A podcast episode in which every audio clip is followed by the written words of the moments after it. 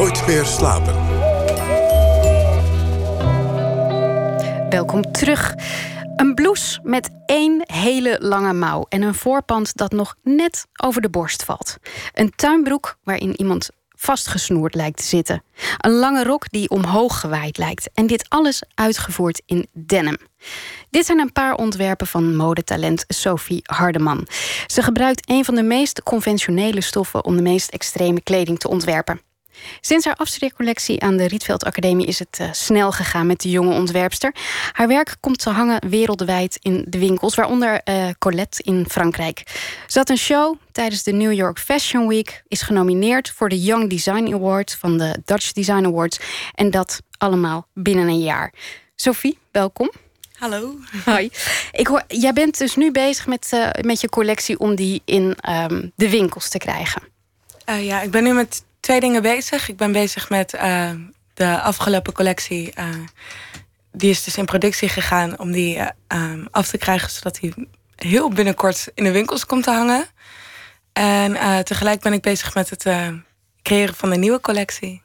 Jouw collectie, de collectie die je hebt ontworpen voor de Rietveld Academie, is eigenlijk een combinatie van mm, hele draagbare spullen, maar misschien ook niet zo heel erg draagbare spullen. Of dingen die niet makkelijk in productie te nemen zijn. Of Valt dat ehm, mee? het is allemaal. Het, het, refereert allemaal terug naar eigenlijk hedendaagse kleding. Die dan ja, een soort van op de hak is genomen. En, um, en ja, eigenlijk.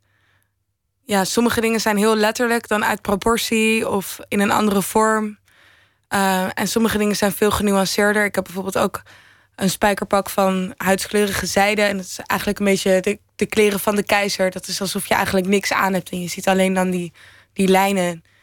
En um, ik heb een pak waar ik een pak op heb getekend. En ik heb een met, met balpen, hè? Ja, met, met een balpen. En, die, komt ook in de winkels te hangen? Eigenlijk, ja, zeker. zeker. Dat is een, uh... Maar hoe doe je dat dan? Ik, ik, neem aan dat je niet gewoon een soort afdruk wilt van het pak op het witte pak. Nee, um, ik heb toen de tijd heb ik dat um, ook onderzocht. Want ik wist dat ik dat, dat pak wilde beprinten met, met een eigen tekening. Waarop dat pak op zichzelf wordt getekend. En um, toen ging ik kijken naar die tekening, die daadwerkelijke tekening was met balpen inkt gemaakt. Naar, uh, te ging kijken naar wat voor een inkt dan daarvoor geschikt zou zijn. En balpen inkt is eigenlijk dus perfect en was er dus niet uit. Is heel permanent. Dus al die pakken die zijn met de hand betekend. Dus ze zijn allemaal ook net even anders. Alles met de hand betekend. hoeveel pakken heb je nu gemaakt voor de winkels? Uh, acht pakken in totaal. Dus vier, vier Nee, acht jasjes en acht broeken, ja. Denk je dan niet als je dat dan aan het doen bent... Heb je het allemaal zelf gedaan met de pen? Ja, en uh, met hulp van vrienden, stagiaires, moeders en mijn zusje. Die hebben allemaal in het atelier zitten ja. tekenen. Maar denk je dan niet, het ga ik volgende keer misschien anders doen? Of dit had ik misschien toch iets praktischer moeten het aanpakken? Heeft alle, het is een beetje van allebei. Want het is ook eigenlijk heel lekker om ineens de hele dag met die pen te lopen krassen. Even heel verfrissend eigenlijk. En... Um, ja, ik vind het gewoon heel mooi dat het heel direct is. En ja, daardoor is het ook heel eigen. En ik teken ook heel graag met pen, omdat je dat niet kan uitgummen. Dus het is ook niet, ik kan mezelf ook niet dan corrigeren. En die tekening gaat daardoor gewoon leven. Dus dat past er, dat past er gewoon. Jij zei het al, het is eigenlijk, je, je bekijkt naar uh, bestaande kledingstukken die uit proportie lijken getrokken. Ik heb naar je collectie gekeken. Ik dacht soms, het is bijna alsof iemand in gevecht is gegaan met die, met die kledingstukken die we kennen. Met, met een blouse eraan heeft getrokken. En het alles, alles een beetje um, uh, anders gevormd is. Eigenlijk alsof een hele dwarse geest bezig is geweest met een hele dwarse stof.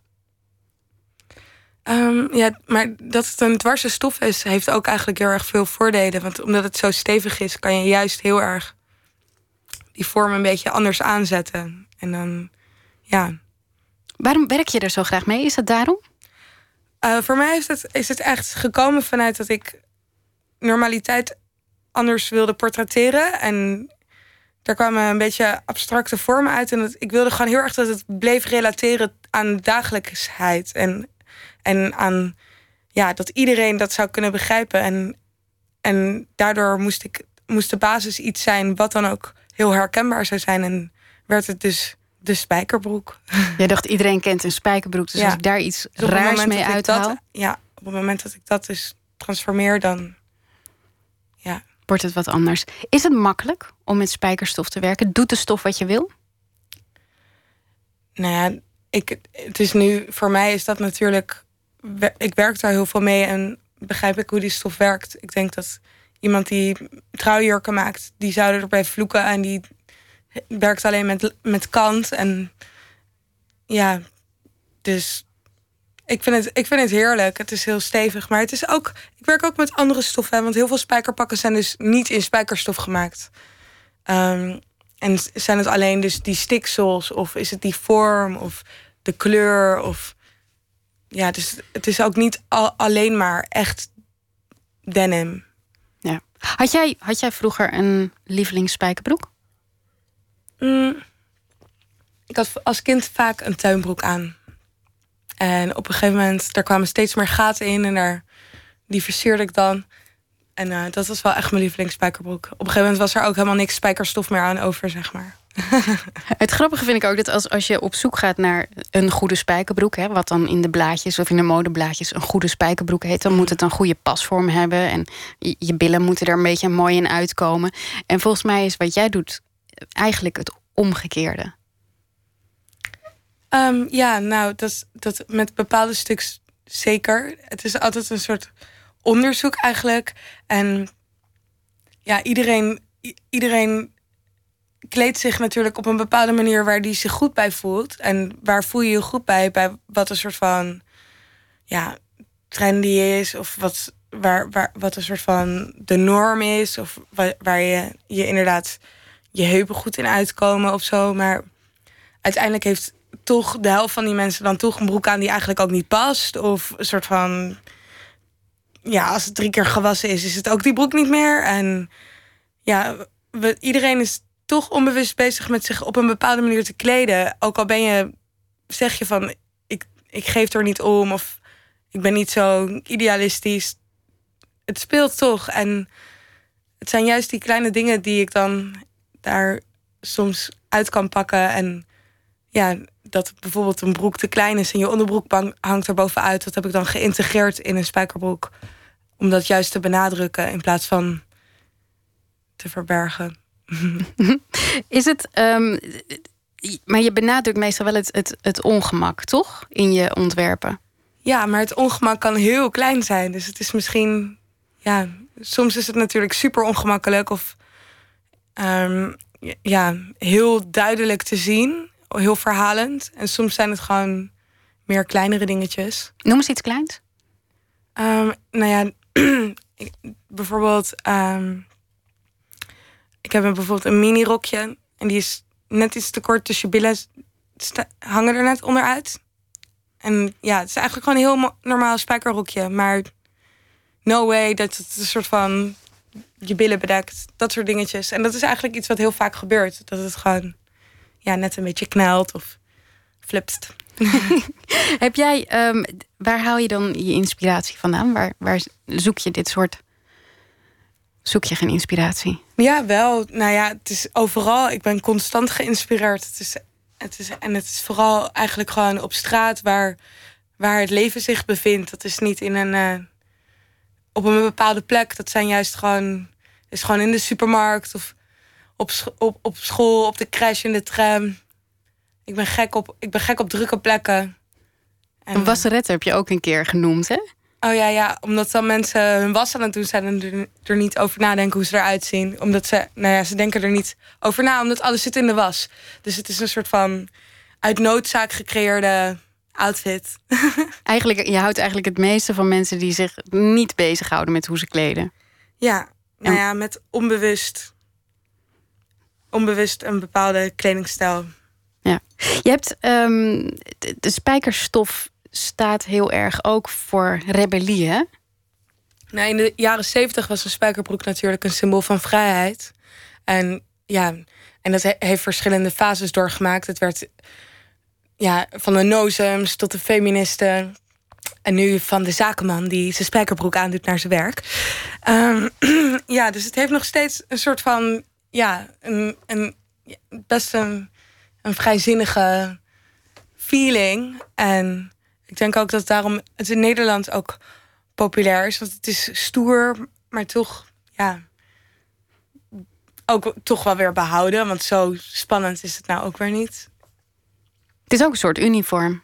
Ja, zeker. Het is, maar het is ook werkmanskleding. Dat is, dat is de oorsprong. Als je nou ehm, begint met ontwerpen, hoe begint het? Want je haalt je inspiratie dus uit van de straat. En dan? Nee, ik, heb, ik heb altijd verschillende ideeën en ik werk dan een beetje binnen een thema. Dus het gaat dan over. Ehm, mijn eerste collectie was vooral over uh, ja, normaliteit bevragen en dat uit context trekken. En dat was heel, heel letterlijk eigenlijk.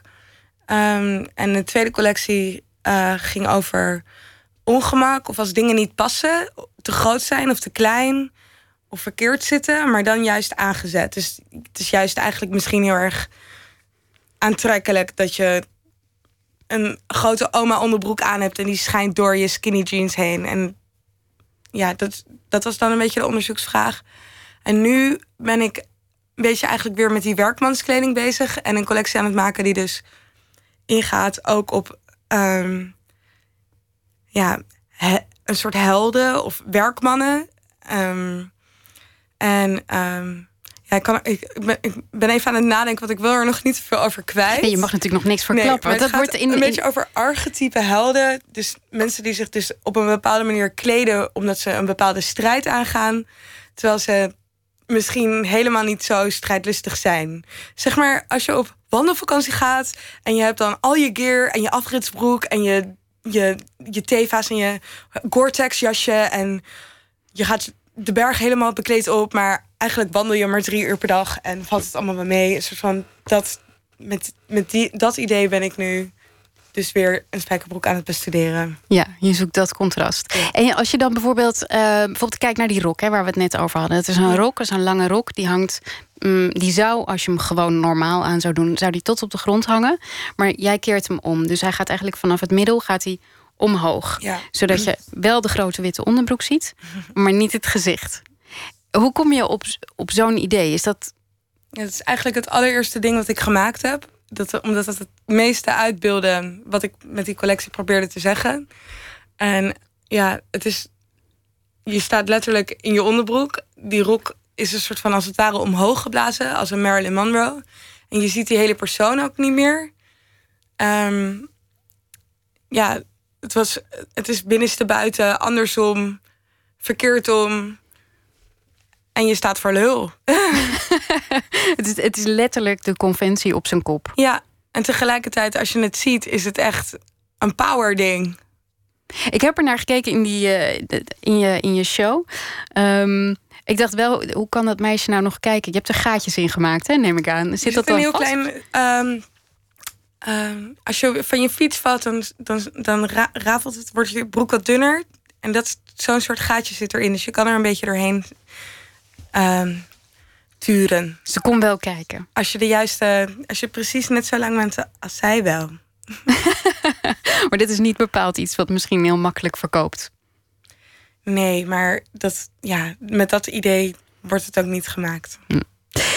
Er zit altijd wel een beetje humor bij jou in, hè? Het is niet heel ja, het serieus. moet echt luchtig blijven. Want het is ook, ik vind het echt heel belangrijk dat het, dat het ook een beetje, het is ook een beetje lol trappen. Want mode is ook, ja, het is ook een systeem waar ik soms helemaal mee in de, in de, in de knoop kom. Omdat het toch eigenlijk erom draait dat, dat het ja, mensen een identiteit of een zelfbeeld verkoopt.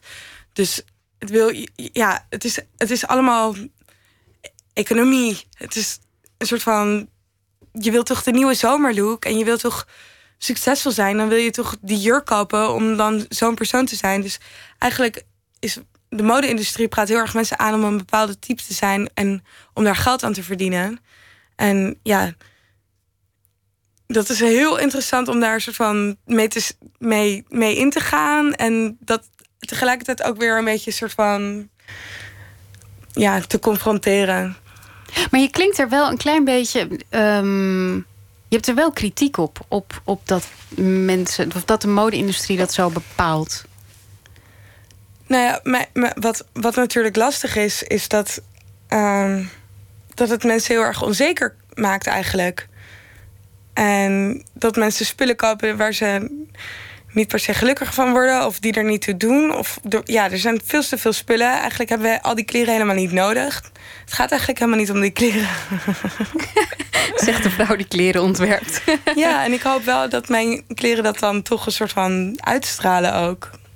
Ja, ik uh, praat met uh, Sophie Hardeman, die is uh, ontwerpster. Ze werkt graag met dennen, maar niet alleen, zei ze net al. Um, je bent niet alleen rebels in, in de manier van waarop je de kleding gebruikt, maar eigenlijk ook in de keuze van je modellen. Hè? Um, op je laatste show heb ik een, een, mevrouw gezien, bijvoorbeeld met een haaslip. En uh, een van de muzes die jij vaak gebruikt, die is geportretteerd in een Volkskrant afgelopen week. Gert-Jan. Gert-Jan Franciscus. niet een heel erg modetype. Hij heeft zelf een uh, nogal smalle kippenborst, zei hij. Waar, um, waarom trekken dat soort mensen je aan? Het is voor mij heel belangrijk om gewoon Jan en Alleman te representeren. En daarin verschillende, ja, verschillende types hebben. En dat, dat, kan iedereen, dat kan iedereen zo wat zijn. En het is voor mij ja, belangrijk om gewoon diversiteit te representeren. Maar het is meteen een statement, hè? Als je mode maakt en je stuurt niet uh, de geëikte modellen de catwalk op, dan is het toch eigenlijk meteen een statement, of niet? ja, alles is een statement op het moment dat je het op de catwalk neerzet. Want dat is dan je, je toonbeeld. Maar ja, zeker. Is het. Is dat, ligt, ligt daar ook in dat je. Um, ligt daar eigenlijk ook die kritiek in? Dat dat mensen onzeker maakt? Zeg, de modellen die je wel ziet ja, doorgaans? absoluut. Want je, je, omdat je dus niet op iemand hoeft te lijken om iemand ja, te zijn die je niet bent. Dat je, ja. Het is toch, het is toch grappig, want ik, ik dacht eigenlijk altijd dat als je mode ging studeren, dat je dat dan werd omdat je dan altijd heel dromerig door de volk zat te bladeren als een soort wenswereld. dat heb jij dus nooit gedaan. Absoluut. I love, I love door de volk bladeren. Tuurlijk, vooral mijn horoscoop. maar ja, het is voor mij echt. Ik vind het heel leuk om te naaien. En omdat het een soort van, toch een soort van. Uh, niet archeologie, hoe noem je dat? Met huizen? Architectuur? Ja, architectuur. Het is echt een soort van plattegrondjes. En dan moet je dat soort van 3D gaan vormgeven. En het is een beetje ge, gepuzzel. Dat vind ik heel erg leuk. Maar tegelijkertijd is het voor mij gewoon eh, puur een onderzoek naar naar de samenleving eigenlijk. En die ik, ja, waar ik ook heel veel plezier aan beleef. En wat ik heel graag wil laten zien. En die presentatie is niet alleen kleding. Ik heb voor mijn gevoel ben ik ook niet een, een, een kledingmaakster. Maar is het veel meer dat ik dat, ik dat beeld neerzet van, van wat ik om me heen zie of wil creëren. En daardoor werk ik ook niet per se in een modeshow, maar maak ik veel liever een film. Ik heb afgelopen keer met Emma Westenberg een film gemaakt, Blue and You. En daarin komen al die elementen samen. Dus het is niet alleen die kleding, het zijn inderdaad ook de types die het dragen. Het is ook de omgeving of het verhaal en de tekst of de beweging of de plek. Het doet er allemaal toe en het voegt allemaal toe aan, aan, aan het idee. En het idee, het belangrijkste aan het idee is dat iedereen deel is van het idee. dus eigenlijk is het voor jou geweldig als je het daadwerkelijk op straat zou tegenkomen, je eigen ontwerpen. Zeker. Dat is eigenlijk je grootste wens. Ja. Was je vroeger, je zei net, ik, ik vond het heerlijk om door de volk te bladeren. Was je vroeger bezig dan met kleding? Um, wel als het geknutseld en mijn knopendoos aan mijn t-shirt genaaid.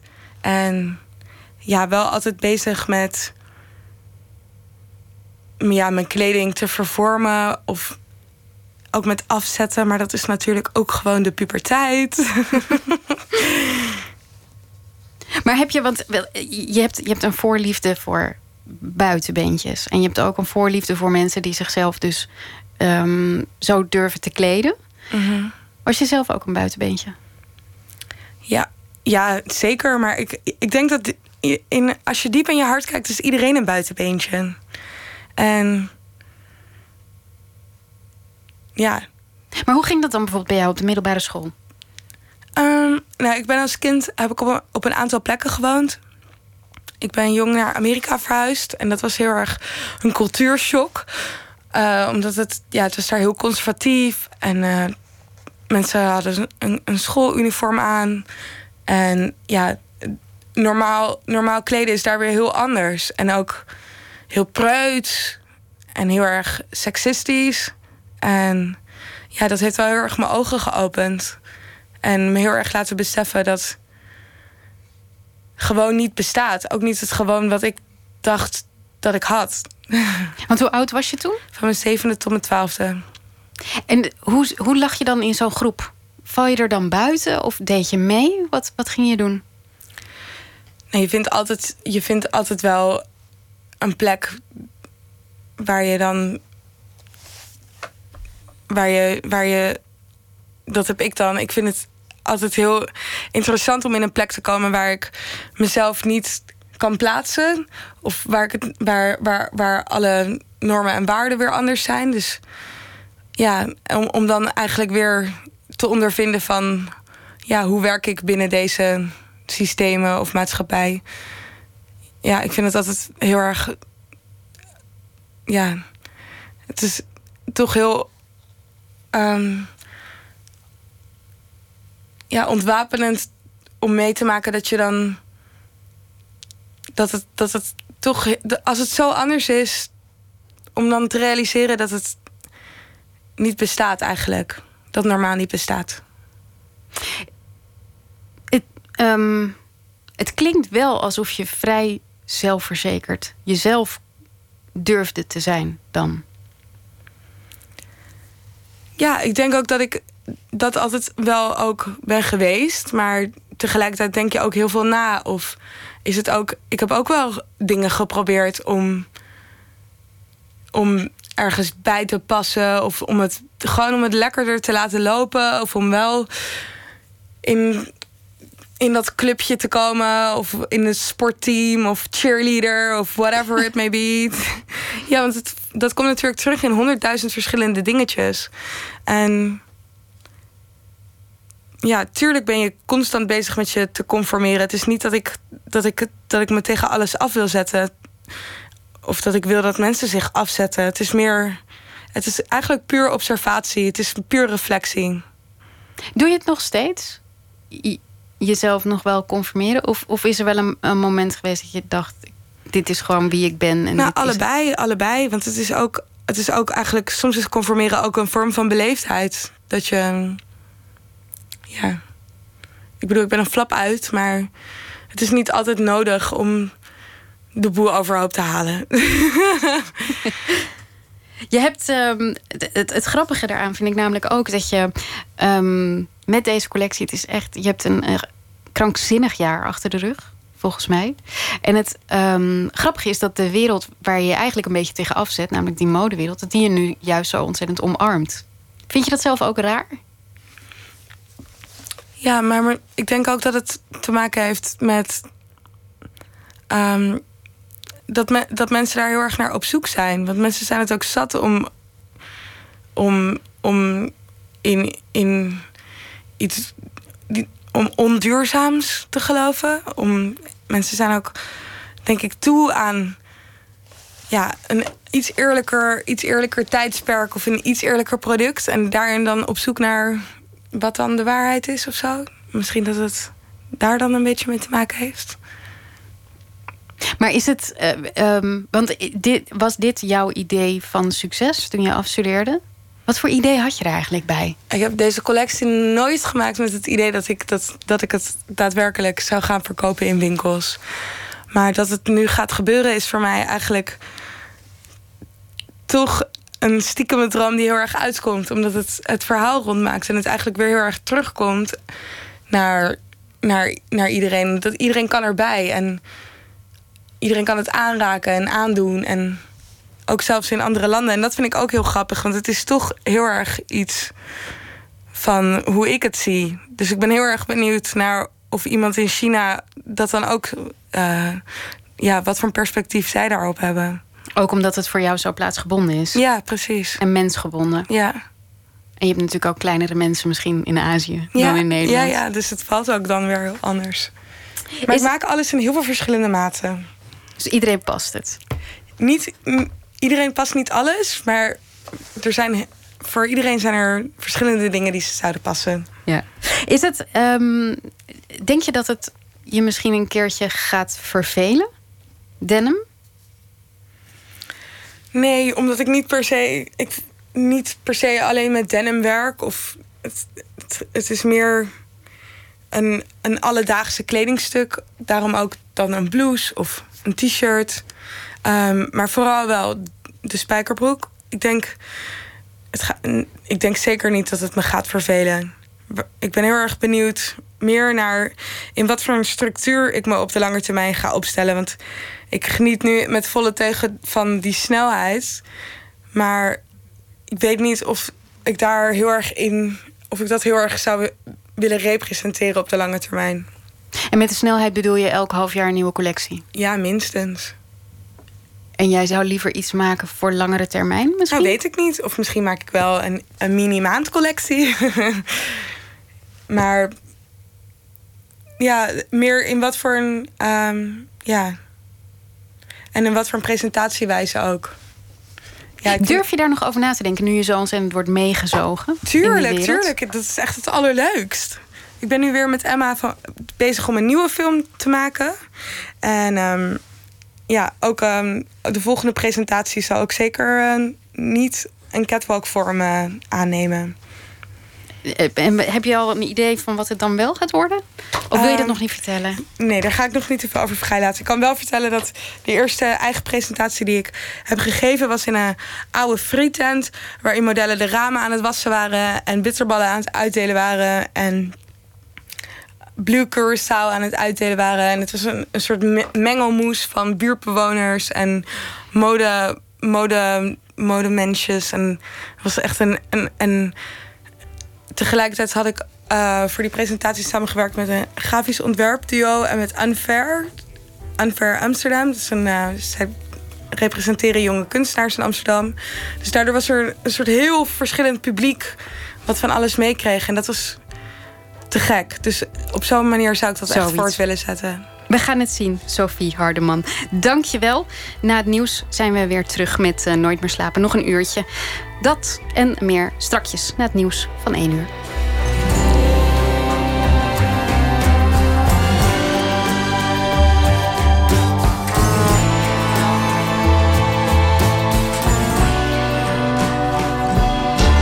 Op Radio 1, het nieuws van alle kanten.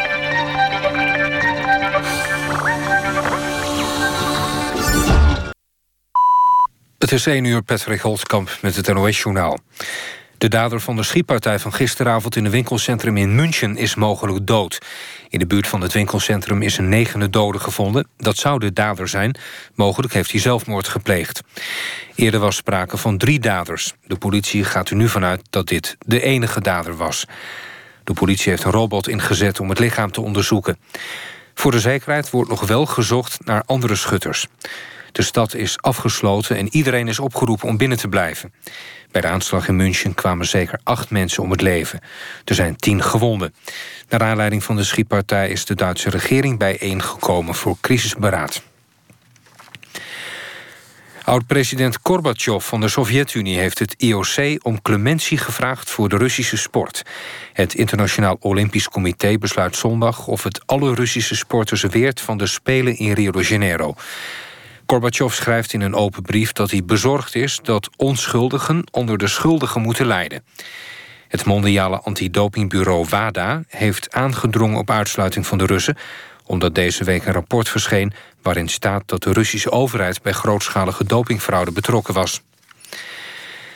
De Nederlandse estafettevrouwen hebben in de aanloop naar de Spelen in Rio een slechte generaal achter de rug. Het team ging tijdens de Diamond League-wedstrijden in Londen op de 4 keer 100 meter de mist in. Dat gebeurde bij de eerste wissel tussen Madia Gafor en Daphne Schippers, waardoor het team werd gedisqualificeerd. De estafettevrouwen veroverden op de EK in Amsterdam nog een gouden medaille. Het weer. Lokaal kan een bui vallen. Overdag vooral in het oosten kans op buien, mogelijk met onweer en hagel. Maxima tussen de 22 en 29 graden. Zondag meer zon en het blijft zomers warm. Dit was het NOS Journaal.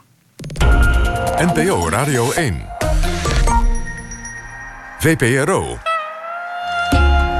Nooit meer slapen.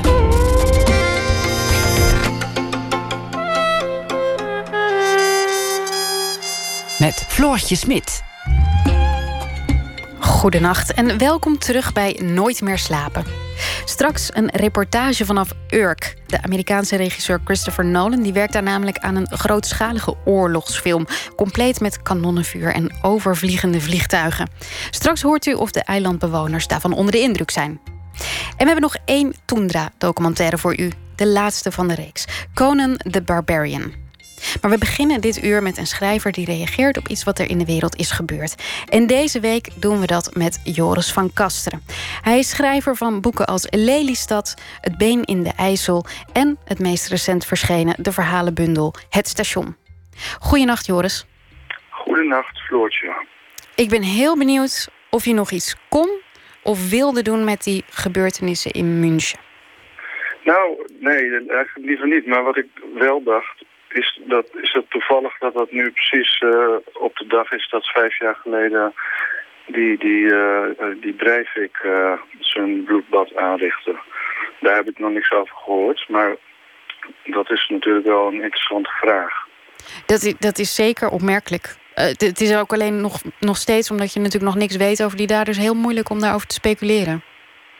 Ja, behalve dat ze, de Duitsers nu gezegd hebben dat, het, dat er nog geen motieven van een, uh, hoe zeg je dat, uh, islamitisch uh, motief erachter zit. Dus dan, als, als we zeker weten dat het dat niet is, dan, ja, dan wordt dat misschien nog wel verklaarbaarder. Of hoe heet dat, plausibeler. Ja.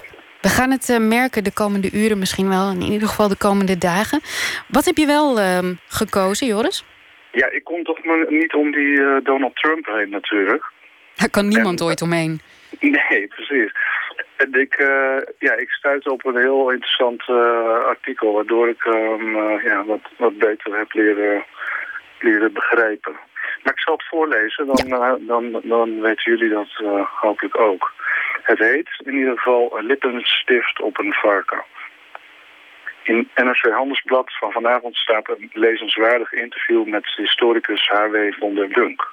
Die overeenkomsten ziet tussen wijnen Pim Fortuyn en de kerstverse republikeinse presidentskandidaat Donald Trump. Fortuyn was, net als Trump nu, een ongeleid projectiel, stelt von der Dunk. Ze weten goed wat er niet deugt, maar hebben geen visie omdat ze geen wortels in het verleden hebben. Het is een intrigerende vergelijking, al weet ik dankzij een artikel in de New Yorker dat ik vandaag ook las, dat Trump vele malen ongeleider is dan Fortuyn ooit had kunnen zijn. Het artikel in de New Yorker kwam tot stand dankzij Tony Schwartz, de voormalige ghostwriter van Donald Trump, die in 1987 het zeer ijdele boek The Art of the Deal schreef. Schwartz heeft daar nu spijt van als haren op zijn hoofd. I put lipstick on a pig, zegt hij onder meer. Destijds gold Schwartz als een talentvol journalist... die in de New Journalism-stijl van John McPhee en David Halberstam probeerde te schrijven. Om die reden had hij de klus nooit moeten aanpakken. Maar hij bevond zich in een penibele financiële situatie en was daarom overstag gegaan. Van het boek werden meer dan een miljoen exemplaren verkocht... waardoor de nog niet erg bekende vastgoedmagnaat een beroemdheid werd. Schwartz' reputatie lag aan Tichela hij werd die voormalige journalist genoemd en koos noodgedwongen voor een andere carrière in de consultancy. Logischerwijs werd hij liever niet herinnerd aan die tijd, maar gekweld door vroeging, hij beschouwt zichzelf thans als een Dr. Frankenstein, besloot hij het Amerikaanse publiek te waarschuwen voordat het te laat was. Als hij het boek opnieuw mocht schrijven, zegt Schwartz tegen de New Yorker, dan zou hij het de sociopath noemen en de nadruk leggen op de angstaanjagende leegheid van Trumps bovenkamer. Hij zou opschrijven dat Trump, die intussen een advocaat op hem heeft afgestuurd... dat hij geen boeken leest, maar wel My New Order van een zekere E. Hitler in zijn nachtkastje had staan. Nou, en ik kan dus eigenlijk iedereen aanraden om dat stuk uh, op de site van de New Yorker uh, te lezen, die long read. Het is echt uh, ja, verbijsterend. Ik ben heel erg benieuwd. Het, wat ik me ook afvraag is of die Swartz dan niet gewoon een nieuw boek moet gaan schrijven. Ja, maar hij, hij, heeft een heel succesvol bedrijf uh, nu in die consultancy met klanten als Facebook en zo. Dus ik denk niet...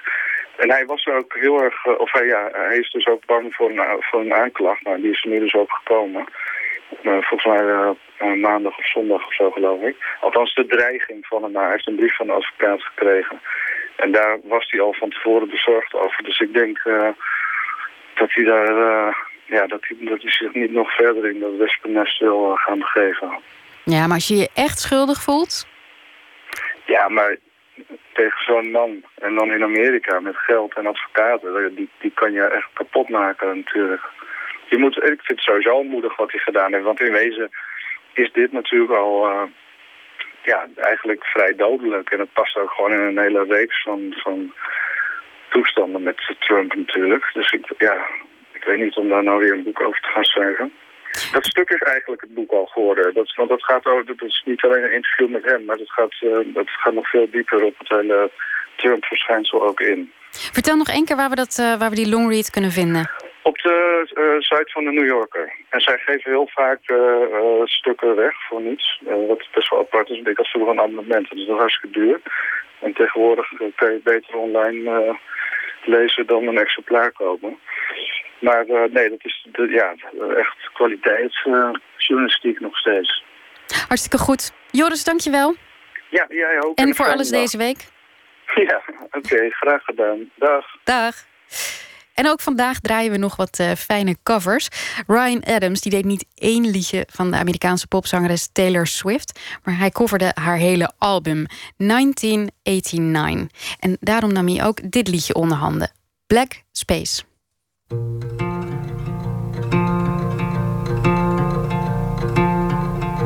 Nice to meet you, baby.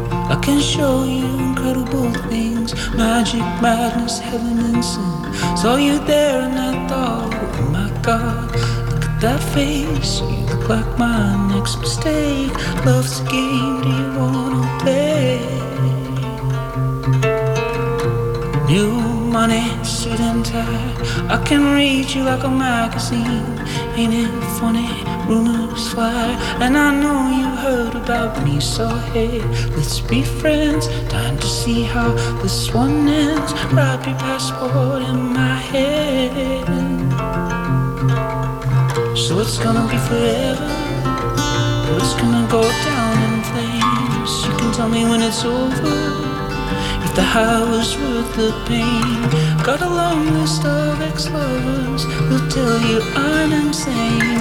You know I love the players, and you love the games. So goddamn reckless. We'll take this way too far, it'll leave you breathless. Or with a nasty scar. Got a long list of ex-lovers to tell you I'm insane. Like I don't blame space, baby. And I'll write your name.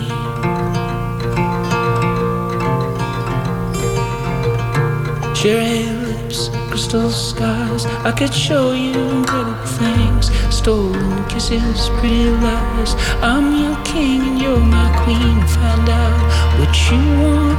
Be that girl for a month. Wait, the worst is yet to come. Screaming, crying, perfect storms. I can make all the tables turn. Rose garden filled with thorns. Keeping you second guessing, like, oh my god, who is she? I get drunk on jealousy, but you'll come back each time you leave. So it's gonna be forever, What's gonna go down in flames. You can tell me when it's over, the high was worth the pain. Got a long list of ex-lovers that tell you I'm insane. Cause you know I love the players, you love the games. Goddamn reckless, we'll take this way too far, we'll leave you breathless. Oh, with a nasty scar Got a long list of ex-lovers They tell you I'm insane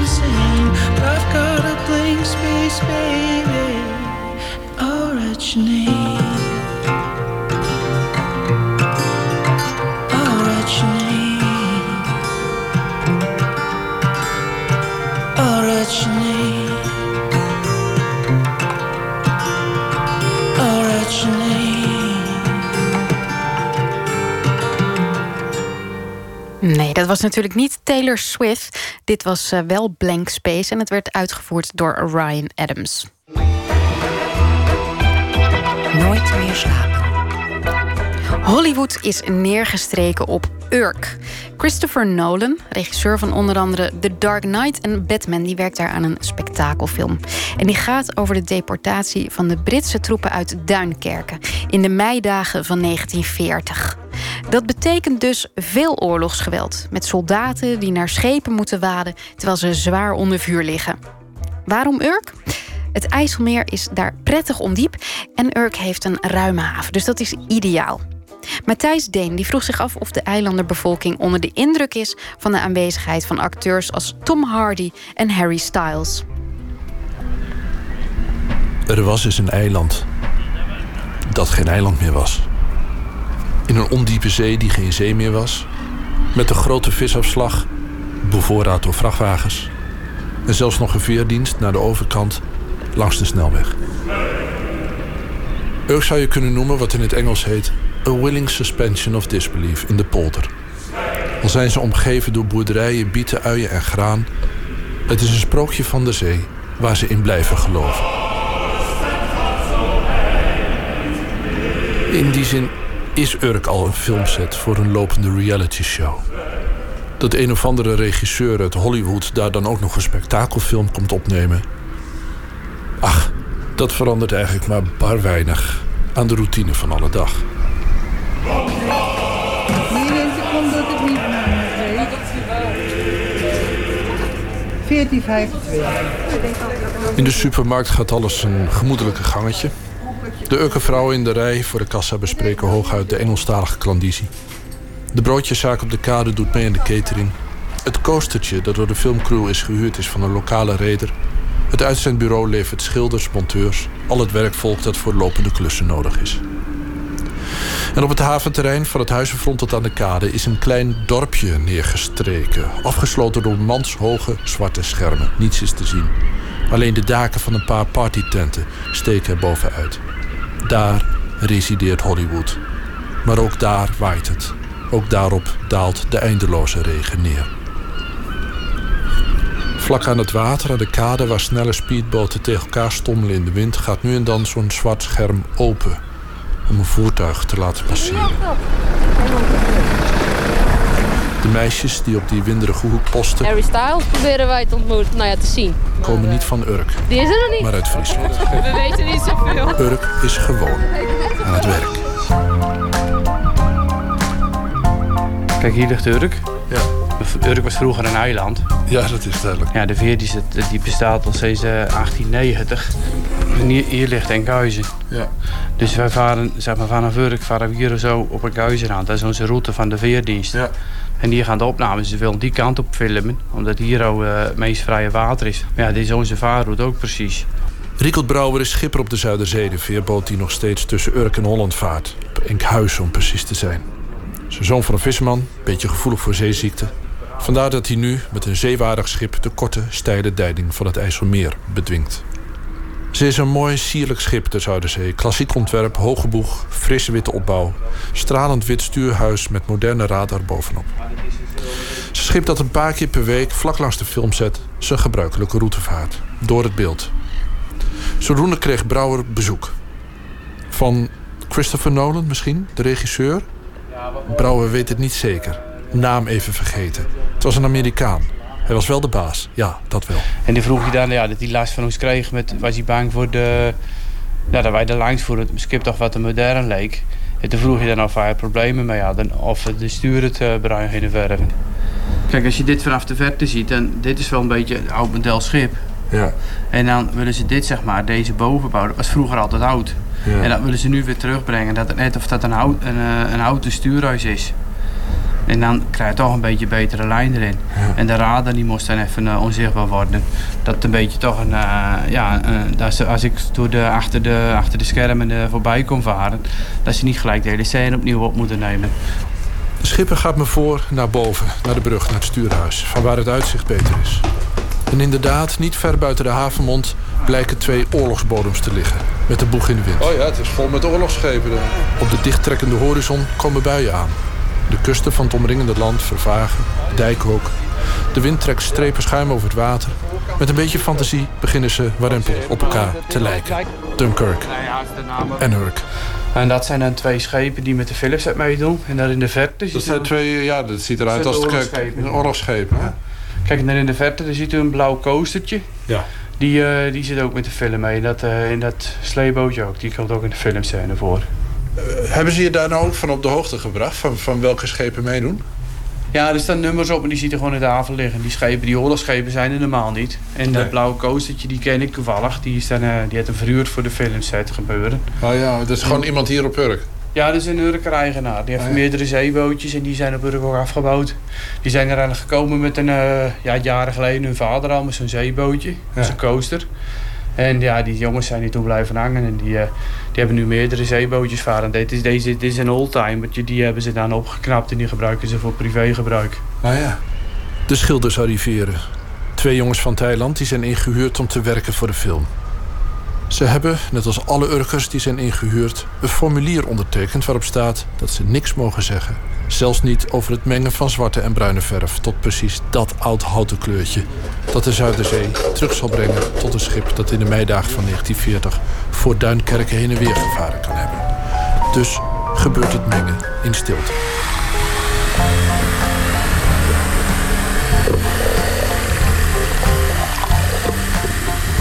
Wil ik nog met het verslechterende weer een beetje uitzicht hebben op het stuk IJsselmeer dat voor de film is afgehuurd, dan moet ik de vuurtoren op op de kaap van Urk.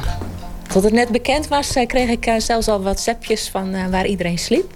Maar dat waren toch meestal een beetje de, de jongere meiden, zeg maar. Ja, ja, ja. Caroline Kramer van de VVV stelt me voor aan Jaap Pakker. U heeft een hele goede Jaap Pakker is voormalig ontwikkelingswerker die vooral in de Hoorn van Afrika mensen heeft geholpen te leren vissen. Nu is hij terug op het eiland, schrijft het een en ander over de volkshaat en humor van de eilanders en gidst. Hij gaat me voor door de ontelbare steegjes naar de vuurtoren. Ik ben gids op Urk. Ik schrijf veel over Urk. Eh, maar ook boekjes over Urk, toneelstukken, conferences. Dus van alles en nog wat. Urk interesseert me. Heeft het nog een wachter? Nee, het is helemaal geautomatiseerd.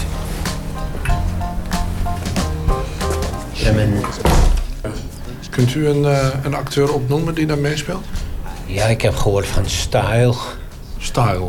Style, nou, voor de rest... eh, En dat die regisseur Batman heeft opgenomen, maar... de- voor de rest zegt het me ook niet zoveel, nee. Zullen we even naar boven gaan om, te om over zee te kijken?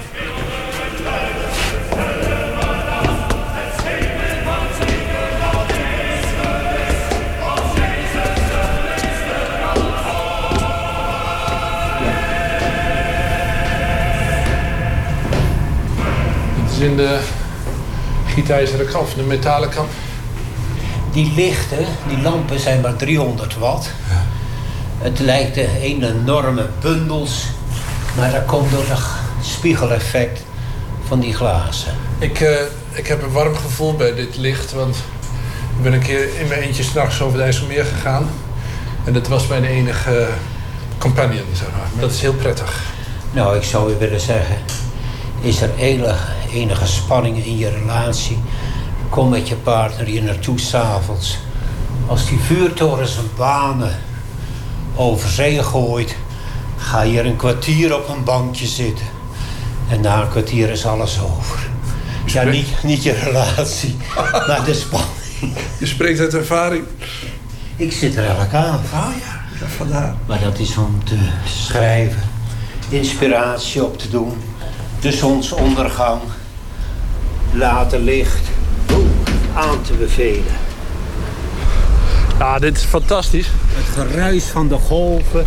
Daar zien we dus eh, oorlogsschepen voor, eh, voor Urk liggen, hè? Ja. Eh, dat is dus voor de opname van de films. Je ziet nog heel nostalgische eh sleepboten, oorlogsschepen. Passagiersboot gaat er langs. Ja. Een, een hele oude. Eh, het heeft wel de sfeer van 1940. En ook alle vrijwilligers die meewerken, die zijn ook gekapt naar de mode van die tijd. Oh ja, is dat zo? Ja, En wie heeft dat gedaan? Dat is hier op Urk gebeurd in die tenten die daar staan. Oh, dus het is niet een Urker kapper die dat heeft gedaan? Nee, daar hebben ze een specifiek iemand voor, ja. Is er geen moment dat u gedacht heeft van... hoezo Duinkerk op Urk? Uh, of hebt u meteen gedacht van ja, natuurlijk? Uh, nee, het, het, het, het uh, niet aan gedacht. En als ik kwam, nou het mag. Ja. Maar dat we het zo bijzonder vinden is Nee. ook niet zo. Nee, Nee, nee. het leeft niet. Er zijn mensen die er komen om te zoeken waar ze slapen. Een meisje dat 300 euro voor een kussen over heeft. Eh, waar hij op slaapt, dan niet de zoenen, maar de kussens. Oh, ja. Maar het, eh, eh, Oh, die style. eh, ja, Ja. Dat, die, en ik kan me voorstellen als je daar een fan van bent, dan eh, dat je daar belangstelling voor hebt en dat je daar eh, ja, kunt zeggen: Ik heb iets ontmoet. En, en u bent er niet te beroerd voor om gewoon even aan te wijzen waar hij slaapt? Eh, nee, dat. maar ja, als ik kom, is hij altijd wakker.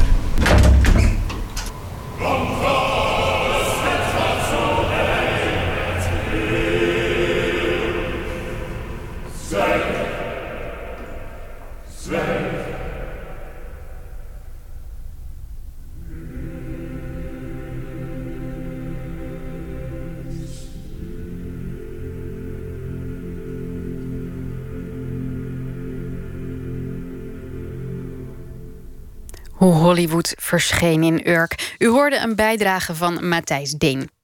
32 jaar was die bluesmuzikant Samuel Maggot toen hij stierf in 1969. Tot die tijd bediende hij zich van de naam Magic Sam.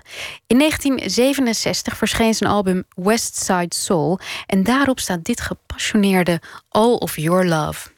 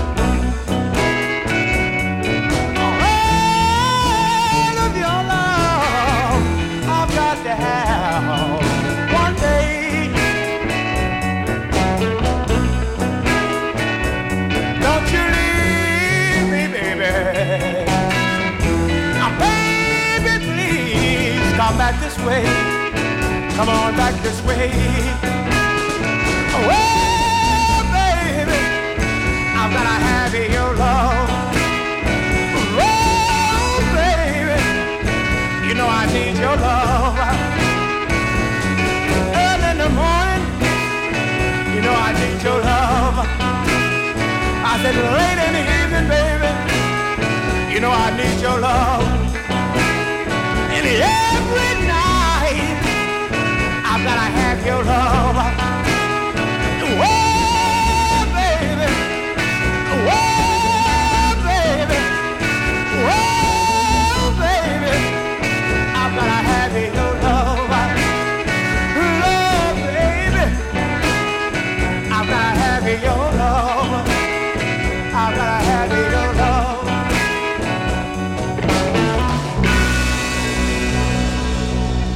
Niet meer en niet minder. All of Your Love, dat was Magic Sam. En dan is het nu tijd voor Tundra. De reeks korte documentaires over mensen in een bijzondere situatie. En dit is alweer de laatste aflevering. Het verhaal van een man in de gevangenis en van een hond in het asiel. En over hoe die twee elkaar moeten helpen om hun vrijheid terug te krijgen. Luistert u naar Conan the Barbarian, een verhaal gemaakt door Emmy Colau.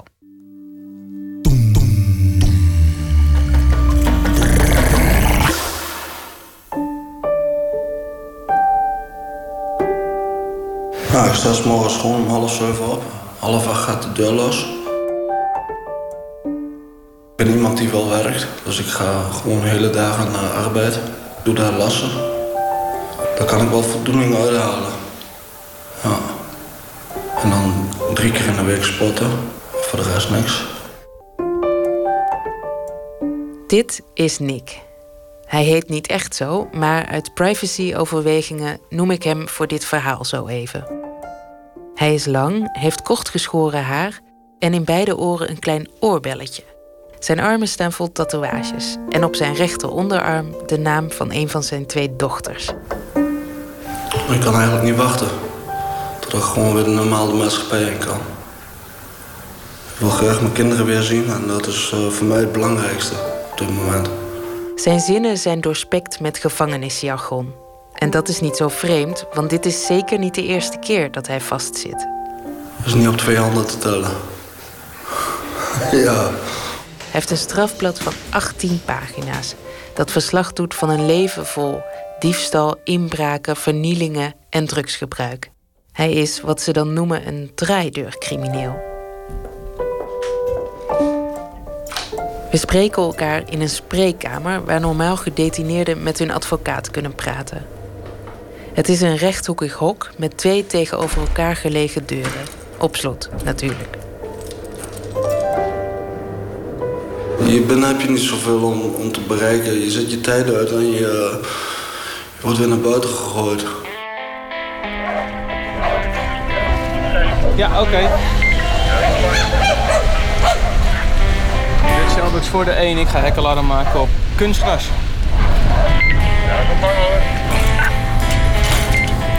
Zo!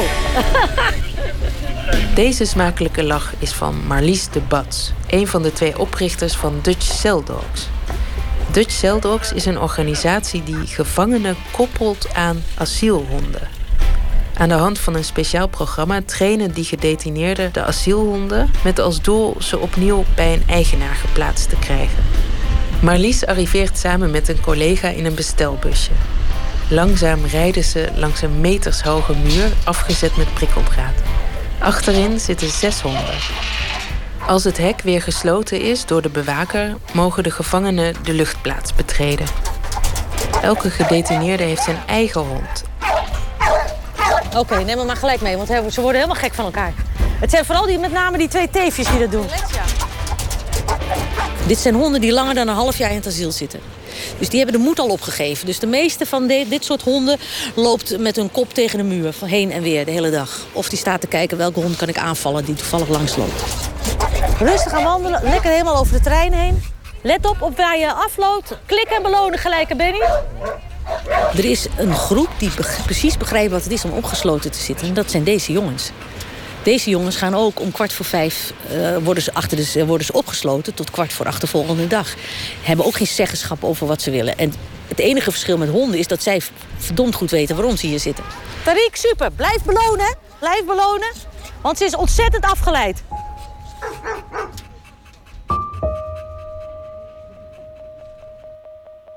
Ik op de afdeling zat, kwamen ze bij me voor een eh, cursus Dutch Cell Dogs. Ze trainen asielhonden.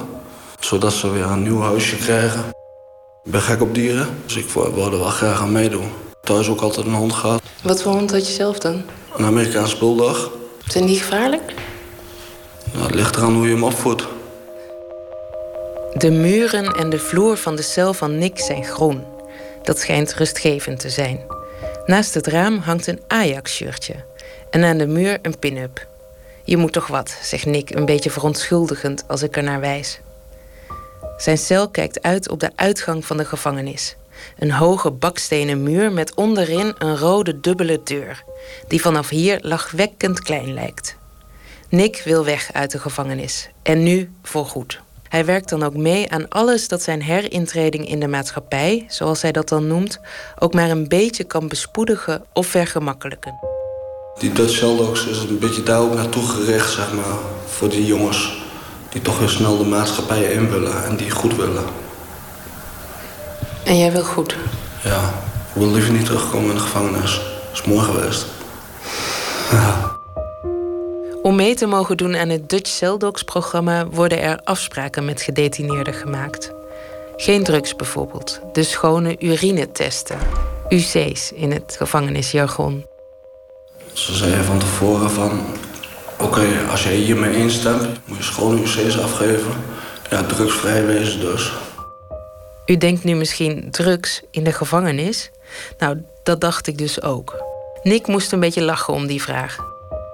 De gedachte dat er geen drugs in de gevangenis te vinden is, blijkt een tikje naïef. Zo gauw dat ik zou scoren op drugs of wat dan ook, zouden ze zeggen van uh, oké, uh, die hond gaat terug naar het asiel en jij hebt je kans verkeken. Oh, dus jouw lot werd eigenlijk verbonden aan. Ja, persoonlijk werd je verbonden aan hem. Dus als ik, uh, als ik het zeg maar slecht zou doen, zou, zou ik hem niet een tweede kans gunnen. Zou hij terug naar het asiel gaan. Ga maar lopen. Ga maar lopen. Hou rekening met elkaars honden, jongens. Oké, Benny. Ja, de eerste keer was best wel spannend natuurlijk. Omdat ik van tevoren al aan had gegeven dat ik niks met uh, had. En uh, ik kom naar buiten. En uh, ze doen even voorstellen. die kreeg een tackeltje. Die kreeg een, een ander klein hondje. Die kreeg een bulldogje. En toen kwam mijn hond eruit. En dat was het Mechels redden. Een oude politiehond. Oh, oh, oh, nooit loslaten, nooit loslaten. Ik was echt bang, echt bang voor hem in het begin. Hoewel Nick aan had gegeven dat hij bang was voor herdershonden, koppelde Marlies de Bats Nick toch aan een Mechelse herder. Dat leek haar juist een goed idee. Ik ben wel vaker achterna gezeten door dat soort honden. Met mijn verleden. Ja, hoe moet ik dat zeggen? Crimineel verleden. Met voetbal.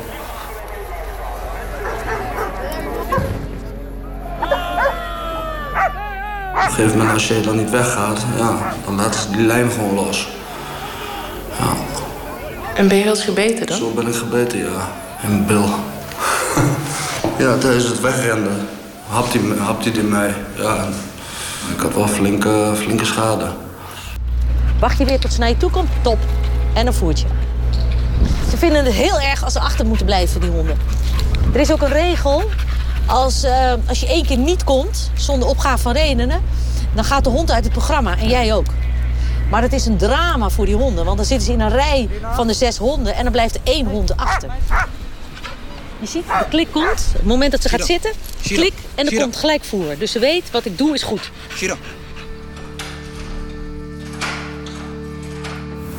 Die instructeur die heeft me toch overgehaald om toch een rondje met hem te gaan lopen.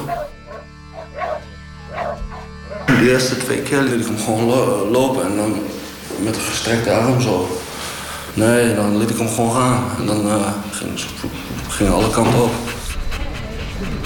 Hartkloppingen? Ja, een hartklopping bij, ja. ja. We moesten een oefening doen. De hond moest door een, door een poortje heen. Op een gegeven moment ik was helemaal, uh, helemaal hyperactief en uh, zo. Maar toen kwam ze bij me en toen zei ze van... je moet gewoon, gewoon rustig blijven. Want hoe rustiger jij blijft, hoe, hoe rustiger dat hij daarop reageert. Ik zal het krukje bij jou neerzetten. Jullie komen redelijk dichtbij. De hond van Tariq is zo door de dolle. Die laten we eventjes uh, aan het hek staan met een lange riem. Anders is hij niet te houden. Tweede, derde les. Gegeven moment kreeg ik gewoon in de gaten dat ik, uh, dat ik het vertrouwen van hem kreeg.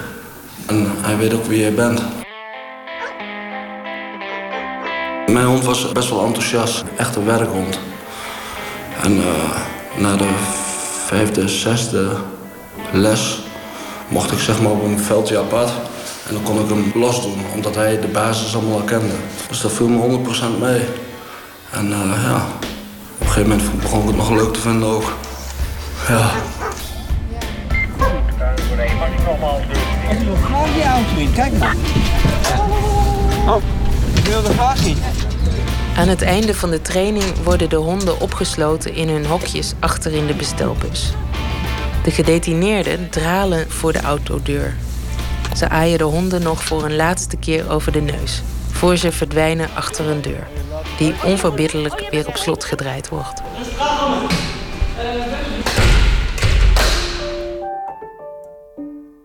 Bij de ene laatste keer kreeg ik ook te horen dat mijn hond geplaatst was. Bij een oude gezin, oudere, oudere mensen. En uh, ja, dat gaf wel een uh, soort van voldoening. De laatste sessie was eigenlijk uh, niet echt trainen meer, maar gewoon het afscheid nemen van die hond. Dat was wel moeilijk. Gewoon twee keer in de week zie je hem. En dan in één keer bam, is er toch een soort van, van gat wat er valt. Dit Sheldogs voor de 1 mag ik de binnenremise. Dit Sheldogs gaat ons weer verlaten. Ik heb hem dus vernoemd naar die film Conan de Barbarian. Dat vond ik wel toepasselijk. Die overwinde ook alles. En mijn hond die heeft, die heeft dit ook overwonnen. En die heeft een tweede kans gekregen. En dan laat Nick me even alleen in zijn cel. Om te voelen hoe dat is. Er hangen foto's van zijn meisjes. Waarvoor hij niet heeft kunnen zorgen, omdat hij meer hier zat dan thuis was. Acht en elf zijn ze. Mooie blonde meisjes. Daarnaast hangt een veel grotere foto. Een foto van Conan, die trouwhartig in de camera kijkt. Dus ik kan nou elke keer nog wel naar hem kijken als ik in mijn cel zit. Ja, ik hoop dat het hem goed gaat. En ik hoop niet dat hij weer terugkomt met een asiel. Voor hem hield Nick zich wekenlang aan de afspraken. Geen drugs, geen rapporten, netjes doen wat er van je verwacht wordt. Verantwoordelijkheid nemen. Het is wel een opstapje geweest natuurlijk. Een stukje verantwoordelijkheid. Ik kijk weer terug naar die dochters. Het enige wat ik in mijn leven heb bereikt is uh, twee mooie kinderen op de wereld gezet. En voor de rest, uh, ja, een beetje met de boel op verkloten. Nick is een draaideurcrimineel. Waarom zou hij nu opeens zijn leven beteren, vraag ik me af. Welke kant ga je op? Ga je een vader wezen voor je kinderen? Of ga je dit doorzetten? En dat ze laten zeggen van je bent gewoon een waardeloze klootzak. Nou, dan kies ik toch voor het eerste. Van dat ik een vader voor mijn kinderen wil wezen. Ja, nu is het nog niet te laat. Nee, het is nog niet te laat, nee. Nee.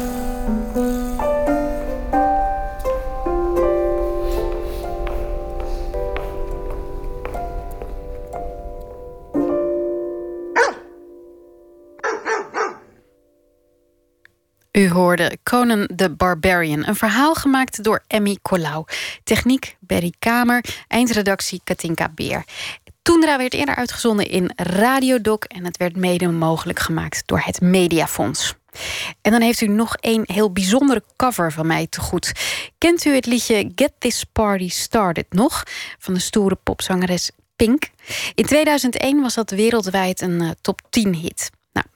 Dat liedje gaan we niet draaien. Wel de versie van de Ierse Bart Damien Rice en zijn toenmalige muze zangeres Lisa Henningen. Luister maar hoe het liedje dan een heel andere lading krijgt.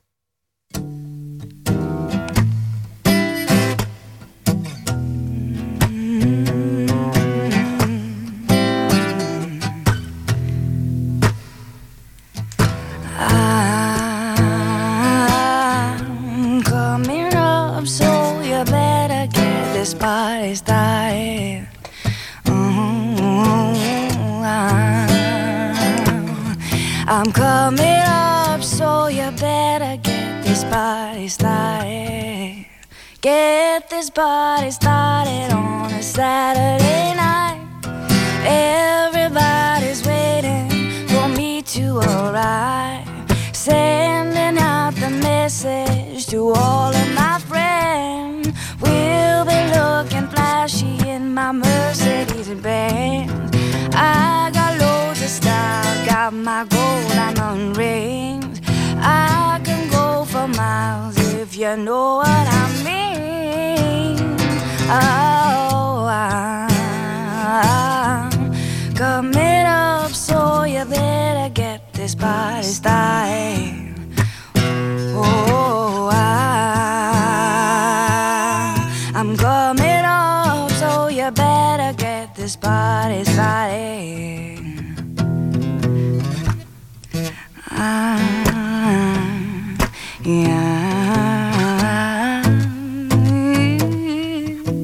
Making my connection as I enter the room.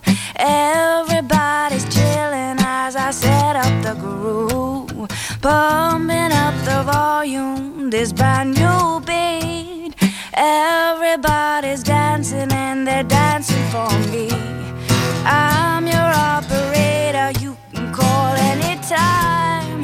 I'll be your connection to the party line. Oh, I'm coming up.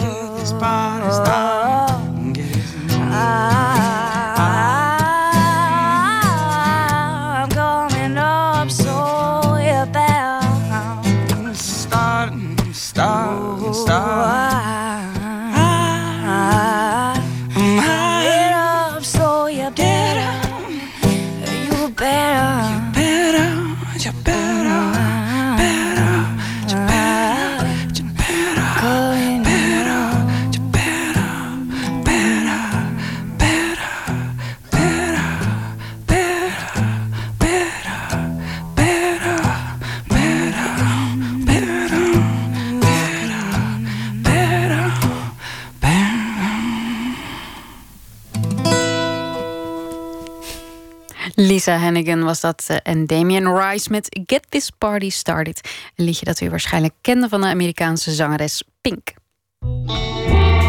Nooit meer slapen. Welk boek nemen schrijvers mee in hun koffer deze zomer? Deze week vertellen vijf schrijvers in Nooit meer slapen wat zij zoal lezen onder de parasol. En vandaag de laatste in de reeks voordat wij van Nooit meer slapen zelf ook op vakantie gaan. U hoort schrijver Robert Weelage, die tijdens zijn vakantie de spanning opzoekt.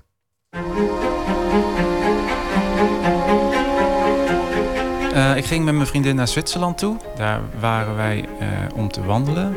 En we zaten in een hotel. eh, dat was een prachtig hotel. Val Sinestra heet het. Eh, het is ook echt een hotel waar wandelaars naartoe gaan. Dus eh, er is ook een aparte kamer in dat hotel naast de ingang waar iedereen zijn schoenen uitdoet, zijn wandelschoenen, en in een kast mag zetten waar het kan luchten en eh, nou ja, alles. En dan loopt vervolgens iedereen op zijn sokken door het hotel. Dus dat is, het heeft een beetje iets van een familiehotel, van pension. Heel oud. Het is een voormalig kuuroord. Vooral aan het eind van de dag, als we buiten waren geweest en we hadden gewandeld, dan ging ik meestal op mijn hotelkamer of beneden in de lobby. Had je van, in de lobby stonden van die lichtbanken. En dan ging ik lezen. Klinkt rustgevend, die vakantie van Robert Weelage. Maar toch was er volop spanning daar in de Zwitserse bergen. Vooral door de literatuur die hij in de hotellobby las. Dat is eh Joël Decker, eh, de waarheid over de zaak Harry Kubert. Ehm, het is van alles, eh, een, maar de, de eerste laag is toch wel dat het een detectief is. Eh, het gaat eigenlijk over een schrijver, een jonge schrijver uit New York. Het speelt in Amerika. En hij heeft een bestseller geschreven. En nu, daarna, heeft hij een soort writersblok. Hij krijgt niets op papier. En dan gaat hij naar zijn eh, mentor, een oudere man. Die zoekt hij op. En ehm, dan ontdekt hij eigenlijk in dat huis van zijn mentor dat zijn mentor ooit een relatie heeft gehad met een heel jong meisje, een tienermeisje. En dat meisje is vermoord, 30 jaar geleden. En dan wordt nu, 30 jaar later, ehm, ehm, dat meisje doodgevonden in de tuin van die mentor. Met het manuscript op haar borst gelegen. Van het boek dat die eh, mentor destijds aan het schrijven was. Dus daar begint het mee. Dus je denkt, aha, die mentor is een moordenaar. Maar dat loopt dus allemaal anders, uiteraard.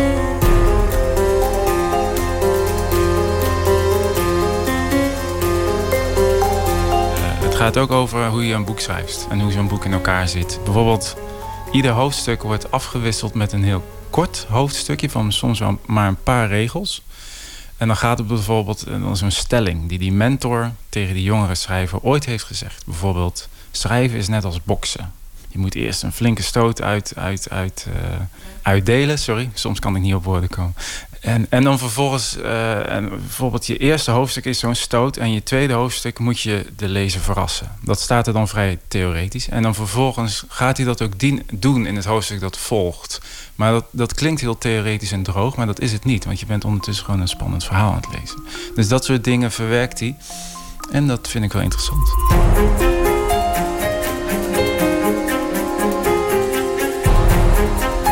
Kies je zo'n uh, boek voor je vakantie uit? Denk je, ik wil me vooral kunnen ontspannen? Of vind je het fijn als je er als schrijver ook nog iets aan hebt?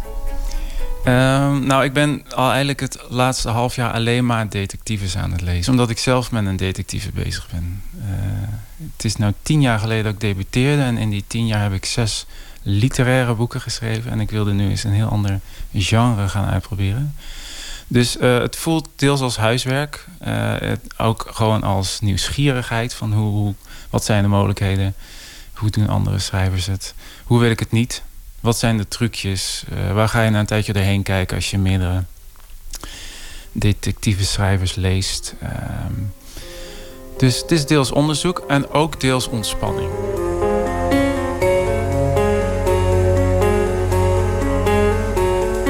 Doe je het omdat je uh, voor jezelf denkt, nou, ik wil wel weer eens wat anders? Of ook om uh, de lezers een beetje te verrassen?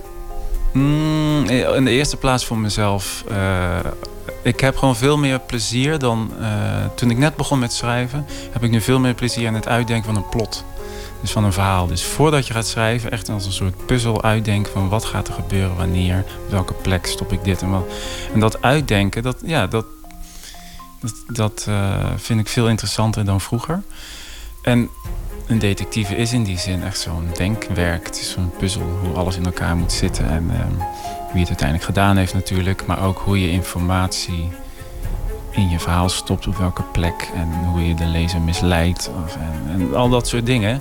Dat denkwerk, dat, dat vind ik vooral interessant.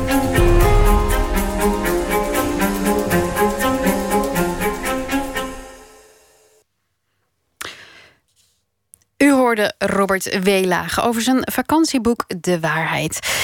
Um, de bijdrage was van Inge Terschuren. En hier is de Californische band Death Cab for Cutie met een nummer van hun album Kintsugi uit 2015. Hier is Little Wanderer.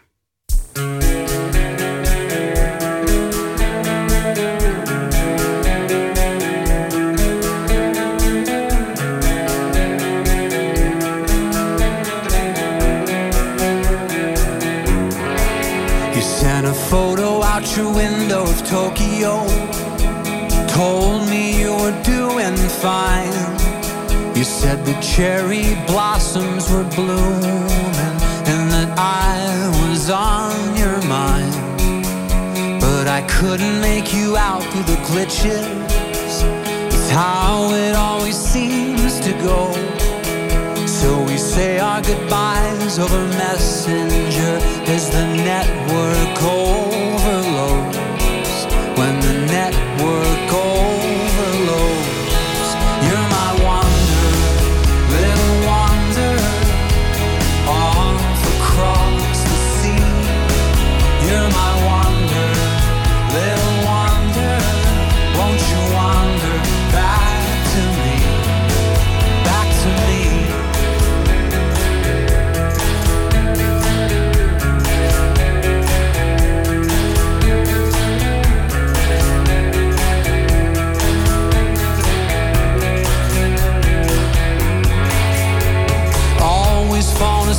when you're waking. I count the hours on my hands, doing the math to the time zone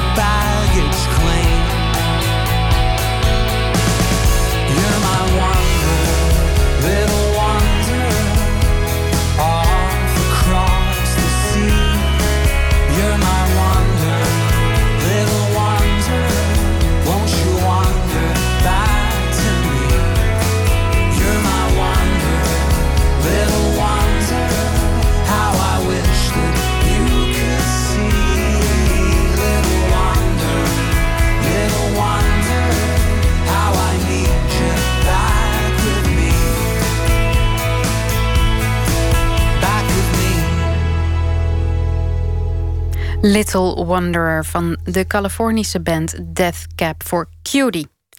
En iedere nacht sluiten we af met een gedicht. En deze week is dat de keuze van dichter en schrijfster Sascha Jansen.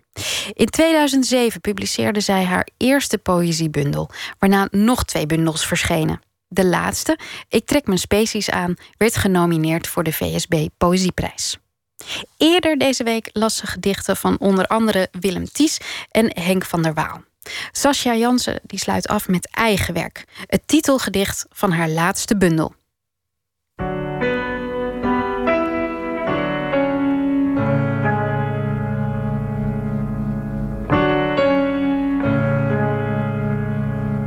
De reeks Ik trek mijn species aan komt uit de gelijknamige bundel. Schreef ik in 2014 en in deze bundel wilde ik letterlijk mijn species of onze species aantrekken. Ik wilde onderzoeken wat het betekent om mens te zijn en wilde ook eigenlijk onderzoeken wat het betekent om dat mens zijn af te leggen. Ik trek mijn species aan. 1. Ik werd uit een punt geboren op een ochtend 9 uur. De eerst denkbare ochtend, omdat hij niet uit de nacht kwam. Hij kleurde van hard tot zwavelgeel, dat weet ik nog. De juiste, juist in scherpte en in volume, door iemand met een 9H in de hand gezet. Kort even genageld. Ze noemde haar God, behalve ik. Een gruwelijk eerst, maar ik hield er eindelijk mee op niemand te zijn. 2. Ik droeg een geboortehemd dat ook een doodshemd zou zijn. Dat kan niet, toch is het zo. Niet ver van hier werd ik ooit weer een punt. De enige, wel een zwakkere. Misschien met een 9b gezet door diezelfde iemand. Ze kurkte me in mezelf terug. Voorlopig bleven de katoentjes geurend in mijn kast. 3. Ik geloofde dat de dingen tegelijk gebeurden. Kan zijn de species die ik moest aantrekken, kan zijn de beweging, kan zijn de vrolijkheid of waanzin of allebei, kermis in de hel. Ik geloofde dat het sneeuwen moest, het denken eronder en ik aangroeide tot mijn eigen testbeeld. Verraderlijk hetzelfde zoals dat van elk ander.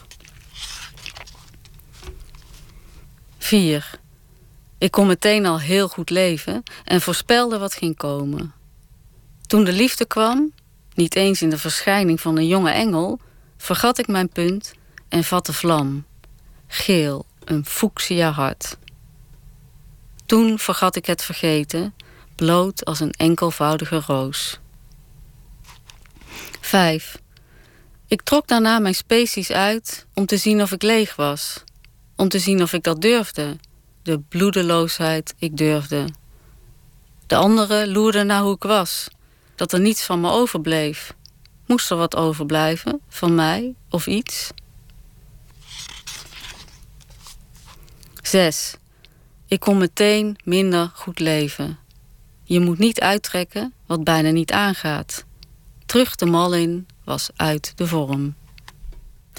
U hoorde Sascha Jansen met Ik trek mijn species aan. Afkomstig uit haar bundel met dezelfde titel. Vanaf aanstaande maandag is Nooit meer slapen even niet meer op de radio. We hebben een uh, korte pauze van vier weken. En de eerste twee weken kunt u dan luisteren naar Brainwash Zomerradio.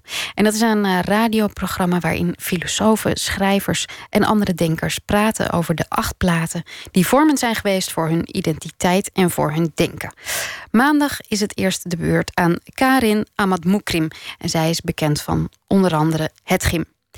In de aansluitende twee weken wordt er verslag gedaan van de Olympische Zomerspelen. En op maandag 22 augustus melden wij ons weer. Strakjes kunt u luisteren naar de collega's van het programma Woord. De redactie maakt daarvan uh, elke week een selectie uit de archieven van de publieke omroep. En deze week hebben ze alles gekozen over vakanties. En dat is logisch, want ja, het is ook vakantie. En ik wens u dus ook een hele fijne vakantie toe, een fijne nacht en een nog betere zomer.